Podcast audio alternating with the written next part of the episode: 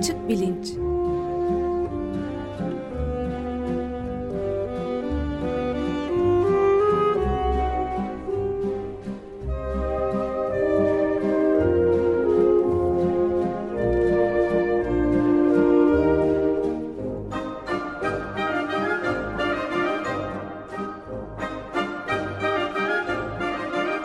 Güven Güzeldere ile bilim ve felsefe sohbetleri. Günaydın Güven Bey. Ee, günaydın Ömer Bey. Günaydın Güven Bey. Günaydın, Günaydın Can. Güven. Konuğumuz var. Karanfil Hanım. Karanfil Soyhun. Boğaziçi Evet. Üniversitesi Felsefe Bölümünden öğretim üyesi.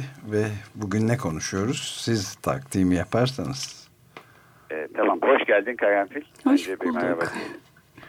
Ee, geçen hafta epilepsiden bahsettik. Ee, Profesör Doktor Çiğdem Özkara konuğumuzdu. Ee, beyin bilimleri açısından e, epilepsiyi konuştuk. Ee, epilepsi pek çok anlamda e, ilginç bir fenomen. Felsefi açıdan da öyle. Örneğin e, epilepsi nöbeti geçiren bazı kişiler e, yapmaya başladıkları komplike davranışları e, nöbet sırasında da sürdürüyorlar. E, diyelim e, piyanoda bir e, şarkı çalmaya başlamış bir kişinin epilepsi nöbeti sırasında e, şarkıyı tamamladığı e, görülebiliyor. Öte yandan epilepsi nöbeti sırasında bilinçte bir takım değişiklikler olduğu söz konusu. Bazı insanlar bu tür nöbetlere e, bazı kuramcılar e, yokluk epilepsisi, absence epilepsi adı veriyorlar. Çünkü aslında e, bilincin kapalı olduğunu nöbet sırasında ama e, bu komplike davranışları hala beynin sürdürebildiğini düşünüyorlar.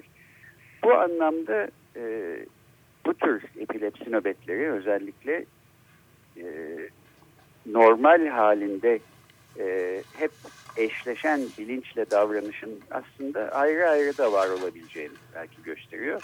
Beynin e, insanda bir bilinç tezahür etmeden de e, komplike insan davranışlarını yönlendirebileceğini gösteriyor belki.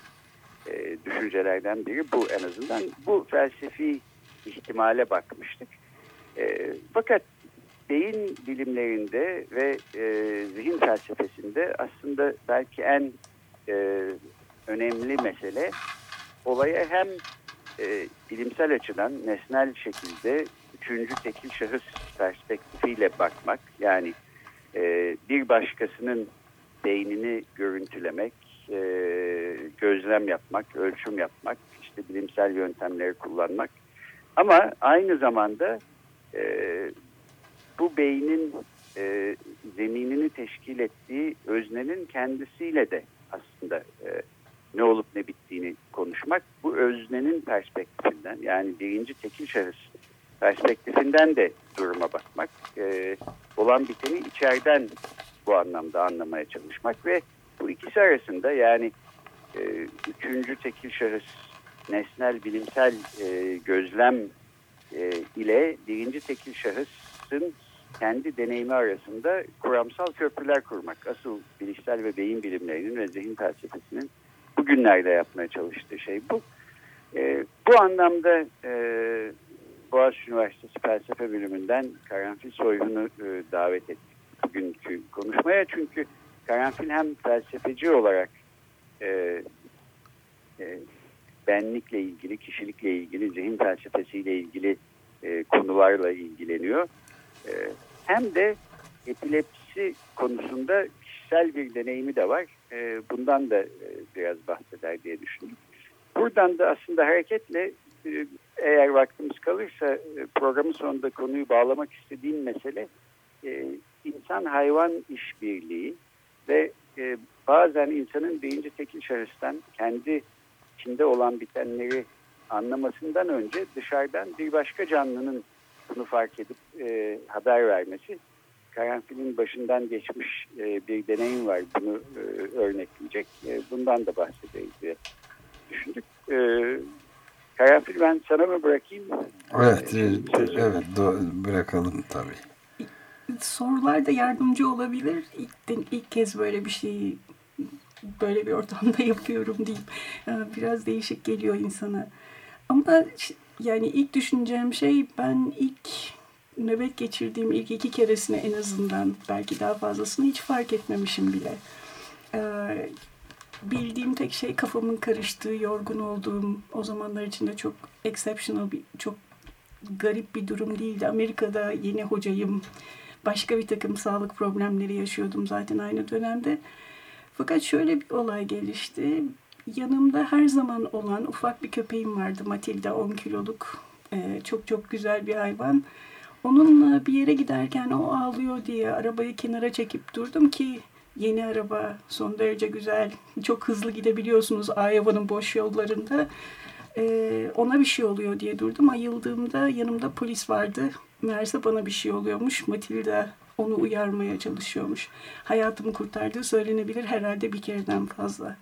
Teşhis böyle konuldu ilk hastaneye gittiğimde. Um, Matilda e, ben belki bu kısmını yanlış hatırladım. E, sana teşhis konulduktan sonra e, Yok Matilda benim köpeğimdi. olarak Matilda'yı belki aldın diye düşünüyordum. Halbuki Yok. böyle bir eğitimden geçmeden. Yok Matilda e, benim kendi köpeğimdi ve bayağı e, sıkı bir birlikteliğimiz zaten vardı o dakikaya kadar. Ben yalnız olmayı sevmeyen insanlardanım. E, kedim köpeğim yoksa hayatım boş geliyor açıkçası deyip Matilda ile o noktada 3 senedir beraberdik. Ya da 2,5 sene gibi bir süreydi herhalde. Ben Matilda'yı özel bir eğitime yolladım. Çünkü aslında en tatsız şeylerden biri Amerika'da epilepsiniz olduğu anlaşıldığı anda ehliyetinizi kaybetme şansınız var. Küçük şehir Amerika'da e, arabasız hayatta kalmanız mümkün değil. Yani en yakın alışveriş şey gidebileceğiniz, yemek alabileceğiniz yerler 3-5 kilometre ötede kar, kıyamet mümkün değil arabasız hayatta kalmak. Birilerinin, yabancıların yardımına her şey için ihtiyaç olmak demek bu ki hakikaten çok tatsız bir durum. onun için Matilda eğitime gönderildi. Eğitim sonucunda da ambulans çağırmayı öğrendi. En temel öğrendiği şeylerden biri. Zaten temel eğitimi olan bir hayvandı. Ee, onun sayesinde de normal hayatımı sürdürebildim. Yoksa nöbetin benim için önceden hiçbir haberi yoktu. Yani herhangi bir şekilde farkına varmam diye bir şey söz konusu değildi. Yoksa bu sözünü ettiğiniz olay ilk İlk nöbet. olay. Evet, ve siz de böyle bir epileptik durumda olduğunu bilmiyordunuz. Kesinlikle yani. bilmiyordum. Kesinlikle bilmiyordum. Oldukça da şaşırtıcıydı gerçekten. Değil. E, Matilda şey nasıl fark etmiş diye yorumluyorsunuz? Açıkçası köpeklerin neyi farkına varıp da bunu uyardığı bilinmiyor. Bir takım genelde bu tür köpekleri eğitmek de pek mümkün değil. Ee, ancak kendi köpeğiniz böyle bir durumda reaksiyon gösteriyorsa şanslı oluyorsunuz ve onlara eğitim alıyor. Ee, bildiğim istatistikler eğitilmiş companion köpeklerin 500'de biri aşağı yukarı böyle bir konuda yardımcı olabiliyor. Ama ev köpeğinizin bunu bilme şansı oldukça büyük. Sonuç olarak doktorlar önceden bilmiyorlar nöbetin geleceğini. Evet. Ameliyat esnasında nöbet geçirebilirsiniz. Ama köpek önceden söyleyebiliyor. Ha yani herhalde bir, bir dakika falan veriyordu bana. Belki daha fazla değil. Çok da emin değilim dediğim gibi. Kafa karışıklığıyla gelen bir şeydi benim için nöbet. Um, ama bu arabayı kenara çekmek için, bir yere oturmak için yeterli bir süreç. E, hayatınızı devam ettirmenizi sağlıyor sizin için. Tabii çok e, olağanüstü bir şey aslında çünkü e, belki e, beynin içine yerleştirilmiş elektrotlarla bir kayıt yapılıyorsa e, küçük bir e, pencere sağlanabilir. Nöbetin geliyor olduğu e, anlaşılabilir filan. Bütün bunların belki ötesine geçen bir e, zaman aralığı e, verecek şekilde kişiye e, ve e, işte insanın beyninin içine filan erişimi olmadan yalnızca dışarıdan bakarak üstelik insan olmayan bir canlının kendisinden farklı bir e, canlı türü için böyle bir hassasiyet geliştirmiş olması ve bunu fark edebilmesi e, çok sıra dışı, çok olağanüstü bir şey gibi gözüküyor bana. Evet yani gerçekten e, doğanın sırları anlatmakla bitecek gibi görünmüyor. Şimdi burada görünmüyor televizyon değil ama Matilda'nın e, resimleri. resimleri, fotoğraflarını da görüyoruz. Olağanüstü güzellikte de bir köpek olduğunu söyleyebiliriz gerçekten kendisini. Ee, karanfil biraz nöbetin nasıl bir şey olduğundan da bahsedebilir miyiz? Yani genellikle nöbet sırasında bilinçte bir değişiklik olduğu düşünülüyor. Bir de e, bir e, amnezi söz konusu galiba. Nöbette neler olduğu gittiği hatırlanılmıyor genel olarak nöbetten sonra. Senin durumunda da böyle miydi? E, deneyimsel açıdan birinci e, şahıs perspektifiyle hatırlayabileceğin, söyleyebileceğin e, bir şeyler var mı? Açıkçası pek yok. Ben hiçbir şey hatırlamıyordum. Hatta sonradan daha küçük nöbetlerde bütün olup biten şey anladığım kadarıyla olduğum yerde kalıp boş boş bakmak oluyordu. Ee, öyle gerçek bildiğiniz büyük nöbetleri geçirmek türü bir şey değildi. Büyük nöbetlerde ise sadece yani sonradan geri bakıp düşündüğümde kurgulayabiliyorum. Nasıl oluyor da kafam bu kadar karışıp kötü bir şey olduğunu anlamayabildim belli zamanlarda. Ee, normalde pek yaşanacak bir şey değil ama belli ki bir etkisi vardı normal düşünme sistemine insanın. Yoksa fark etmemem en azından bir iki kere olduğuna eminim o teşhis konulana kadar mümkün değildi açıkçası. Ama e, yanımdaki insanlar bana anlatmadığı takdirde ne olup bittiğine dair hiçbir fikrim yoktu. Çok evet. tuhaf durum. Karanfil Hanım ben de o yanınızdaki insanlardan biri olarak daha doğrusu benim en yakın arkadaşım da e, bu tip nöbetler geçirdiğini söyleyerek şunu sormak istiyorum size. Ne yapılması gerekiyor böyle bir nöbet geçirildiği takdirde? Komik bir şekilde Matilda benden bir sene sonra nöbet geçirmeye başladı ve hmm. e, köpeklerle sahipleri arasında böyle şeyler olduğunu duymuştum da biz gerçekten garip bir ikiliydik. Um, Matilda için öğrendim bunları ben. Genelde kişiyi yan yatırmak ağız yola ağız burunda bir tıkanıklık olmadığını sağlamak mümkünse de dilini ısırmaması için yumuşak bir şey ağza konulabilir aslında eğer nöbet çok e, kasılmasına sebep oluyorsa kişinin. Ve de hiçbir şekilde konuşmaya çalışmamak, beyni daha fazla yormayın deniyor e, bunlarda. Ama tabii bunu ben size birinci kişi olarak söylemiyorum. Matildasını korumaya çalışan kişi olarak söylüyorum gerçekten.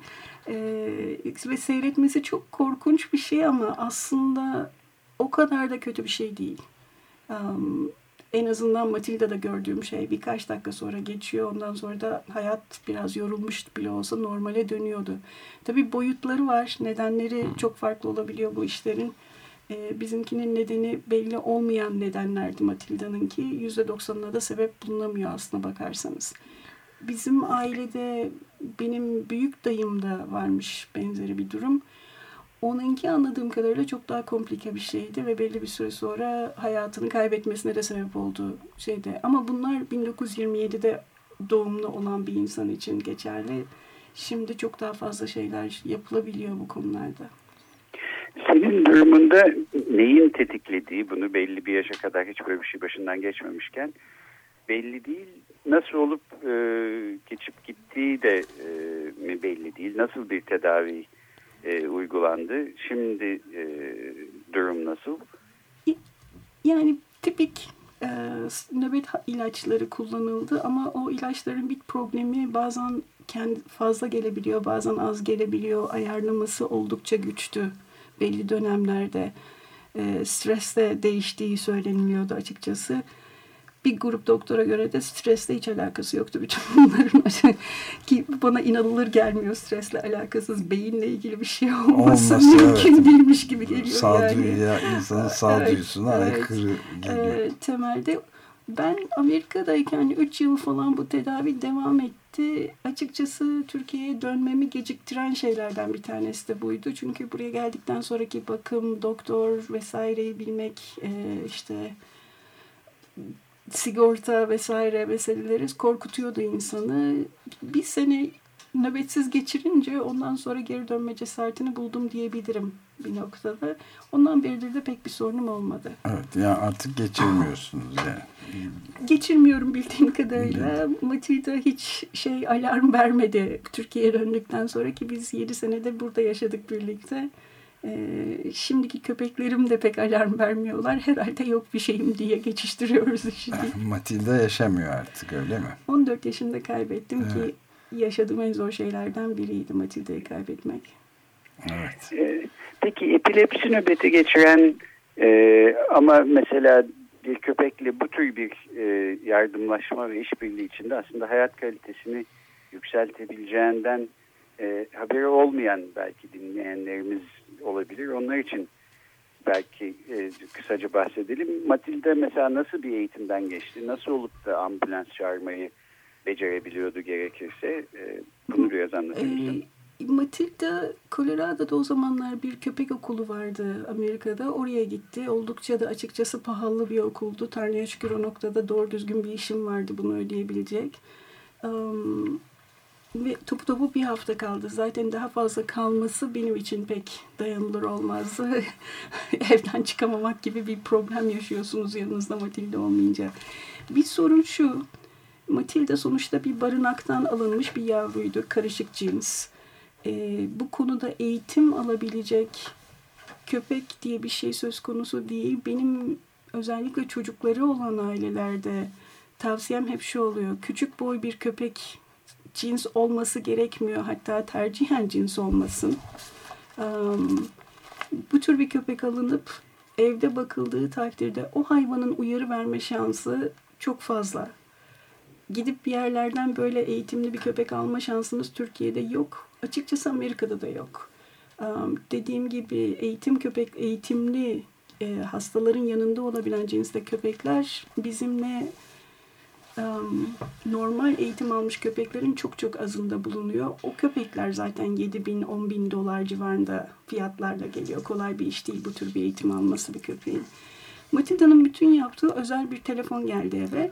Onun şeyini açıp ahizesini düşürüp bir, bir düğmeye basıp havlamak oluyordu. Bunu nasıl öğrettiklerine dair hiçbir fikrim yok. Ama az şey, Ama- az şey mi bu ya? Ama şöyle bir şey yaşadık. İki kere ondan sonra e, Kullandı bunu, öyle birkaç kere kullandı. İlkinde gerçekten iyi bir durumda kullandı. Diğerleri bizim işte yanlış pozitif dediğimiz şeyler. Ben iyiyim ambulans kapımda. Bunlar paralı da geliyor bu arada. Özellikle yanlışsa ucuz da değildi. Ha, ne oluyoruz falan dedik ikincisinden sonra. Ben e, ambulansçıları oradayken e, şey hemen aradım hocasını ulaştım. Şey diye sordu. ilk sorduğu şey bir şey vermişler mi ona? Sorduğumda beni benimle beraber hastaneye giremediği için çok panik olmuş Matilda. Ee, EMT'cilerden biri de hamburgerini paylaşmış kızımla. Anlaşılan. Telefonla ısmarlamayı bir kereden öğrenebildiği Matilda'nın hiç de şaşırtıcı değil. Gerçekten çok zeki bir köpekti deyip ne zaman canı hamburger istese telefonu açıyormuş açıkçası deyip ondan Evet, sonra bir tür yemek sepeti e, servisi Kesinlikle. olmuş. Evet. McDonald's'ı araması lazımdı yalnız orada hata etmiş. Ondan sonra bizden telefon geldi mi geriye telefonla arayıp benim cevap verip vermediğime bakıyorlardı. Bu hat küçük bir yerde yaşamanın bir şansıydı. Bu, bu hat tümüyle onlara ayrılmış bir hat haline getirilmişti. Tümüyle Matilda'nın e, şeysiydi. E, alanıydı diyeyim. E, böylelikle de bayağı bir gülme şansımız oldu bu kadar trajik Evet. olabilecek bir konuda değil. Çok hayatın tuhaf ilginçlikleri yani. Peki e, e, bir- birkaç dakikamız varken e, Güven Bey ne, nereye bağlıyorduk? Ha, bir de şuna bağlayalım. Ee, insan hayvan birlikteliği üstüne son zamanlarda e, kültürel antropolojide e, kadın çalışmalarında mesela bir hayli ilginç e, yeni çalışmalar çıkıyor. Benim elime e, çok yeni geçen bir kitap Metis yayınlarından yeni çıkmış e, Donna Haraway e, isimli bir kadın çalışmaları kuramcısının e, yazılarından oluşan bir seçki.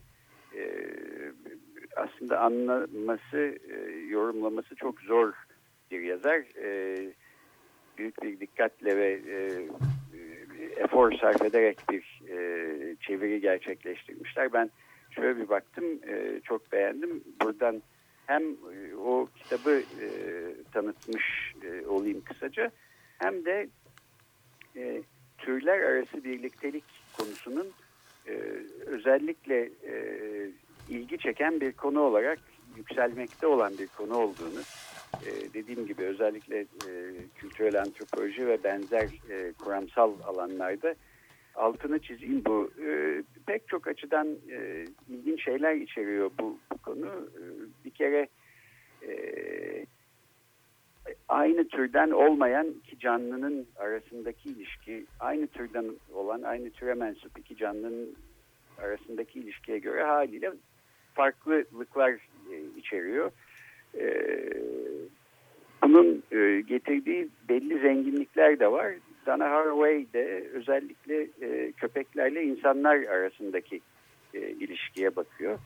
E, evrimsel biyoloji açısından da aslında köpeklerle insanların birlikte evrildiği ve e, iki taraflı bir etkileşim olduğu da e, düşünülüyor. Yani köpeklerin e, evcilleştirilmesi e, bir anlamda insanların e, köpek türünü değiştirmesi. Fakat e, insanlar da köpeklerle birlikte yaşayarak e, onlara e, güvenerek onlardan destek alarak hayatlarını belli bir şekilde köpeklerin varlığı sayesinde regüle ederek e, bir takım e, kendi evrimleri içinde değişik gelişmelere e, ekspoze olmuş durumdalar. En azından insan köpek birlikteliğinin evrimsel tarihçesi üstüne yazanlar böyle öneriyorlar.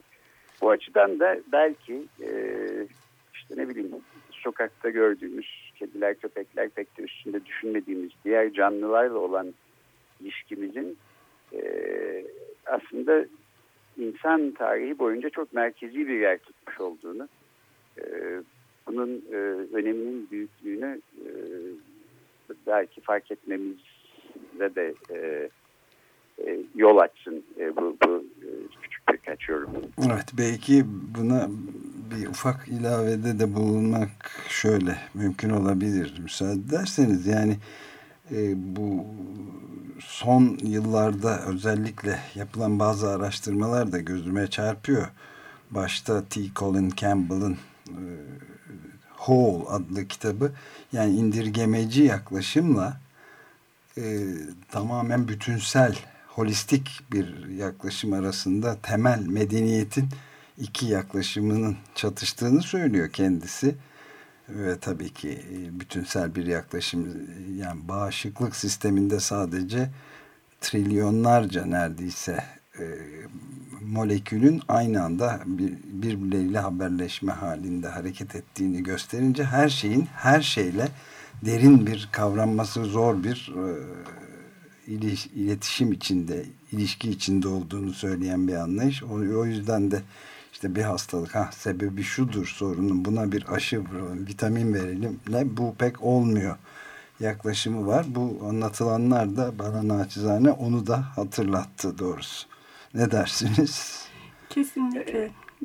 Ve de köpeklerle ilgili bir öğrendiğim şey şuydu ki bunu aslında köpek sahibi herkes biliyor. İnsan bakışını takip eden nadir canlılardan bir tanesi. Sizin bakışlarınızı okuyabiliyorlar. Ki bakış, gaze gerçekten önemli bir kavram. Felsefenin pek çok alanında insanı insan yapan kavramlardan biri. Bu duruma göre Matilda ve diğer köpekler de rahatlıkla o kavramdan insanların içine sızabiliyor ki primate'ler yapamıyor bunu. Ee, gerçekten köpeklerin bizle evrildiğini ve ne kadar bizim bir parçamız olabildiğini gösteren şeylerden biri. Evet, e, ben de şunu ekleyeyim. E, bir hayvana parmağınızla bir şeyi ya da bir yeri işaret ettiğiniz zaman parmağınızın gösterdiği yere yani sizin işaret ettiğiniz şeye bakan hayvan, e, bakabilen e, hayvan çok az. Bu bir sembolik anlayış geliştiriyor. Köpekler buna dahil ama e, bir kediye istediğiniz kadar parmağınızla uzaklarda bir şey işaret edin. E, işaret eden parmağa bakacaktır genellikle. Kedi işaret edilen Bonobolarda böyle mi? Şempanzelerde acaba? E, bazı bazı primatlarda işaret etme aslında öğrenilebiliyor ve birbirleri arasında da e, kullanıyorlar. Fakat genel olarak hayvan e, aleminde, hayvanlar aleminde pek sık rastlanmayan e, ve ancak e, primatlarda filan e, öğrenerek e, edinilebilen bir, e, bir e, yetenek. Evet, doğrusu son derece ilginç bir konu. Acaba bütün diğer e, konuları bırakıp sadece bunları mı konuşsak, program yapsak diye düşünmeden edemiyor insan. açık e, bu konulara da yeniden e, döneriz. E, bugünkü Açık Bilinç'te konuğumuz e, Boğaziçi Üniversitesi Felsefe Bölümünden e, öğretim üyesi Karanfil Soyhun'du. E, epilepsi konusunu konuşmaya başlamıştık geçen hafta. Beyin bilimleri açısından e, Çiğdem Özkaya ile tartışmıştık. Bugün de felsefi ve e, deneyimsel beyinci e, tekil şahıs deneyimi e, açısından. Karanfil çok teşekkür ediyoruz e, ben geldiğin teşekkür için. Ederim. Çok teşekkür ederiz. Bu arada da biz de küçük bir e, duruma müdahale ederek bitirirken programımızı Harry Belafonte'den Matilda'yı çalmaya karar verdik bu durum karşısında. kabul ederseniz böyle Sevinerek ederiz efendim. Çok yerinde olmuş. Ederiz. Gelecek hafta galiba tatildeyiz. Evet. Ee, bir sonraki hafta, hafta o halde buluşmak üzere. Görüşmek üzere. Evet Harry Belafonte'den e, çok tanınmış, iyi bilinen şarkısı Matilda'yı, Calypso e, dinleyerek de bitirebiliriz. Hepinize günaydın. Günaydın. Günaydın. günaydın.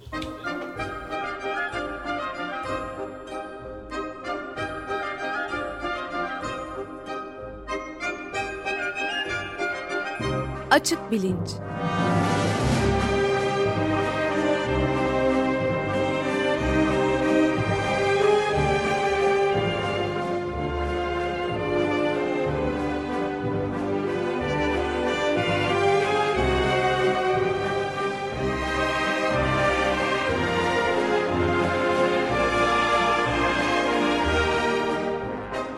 Güven Güzeldere ile bilim ve felsefe sohbetleri.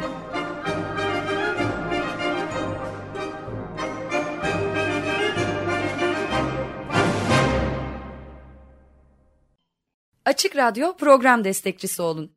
Bir veya daha fazla programa destek olmak için 212 alan koduyla 343 41 41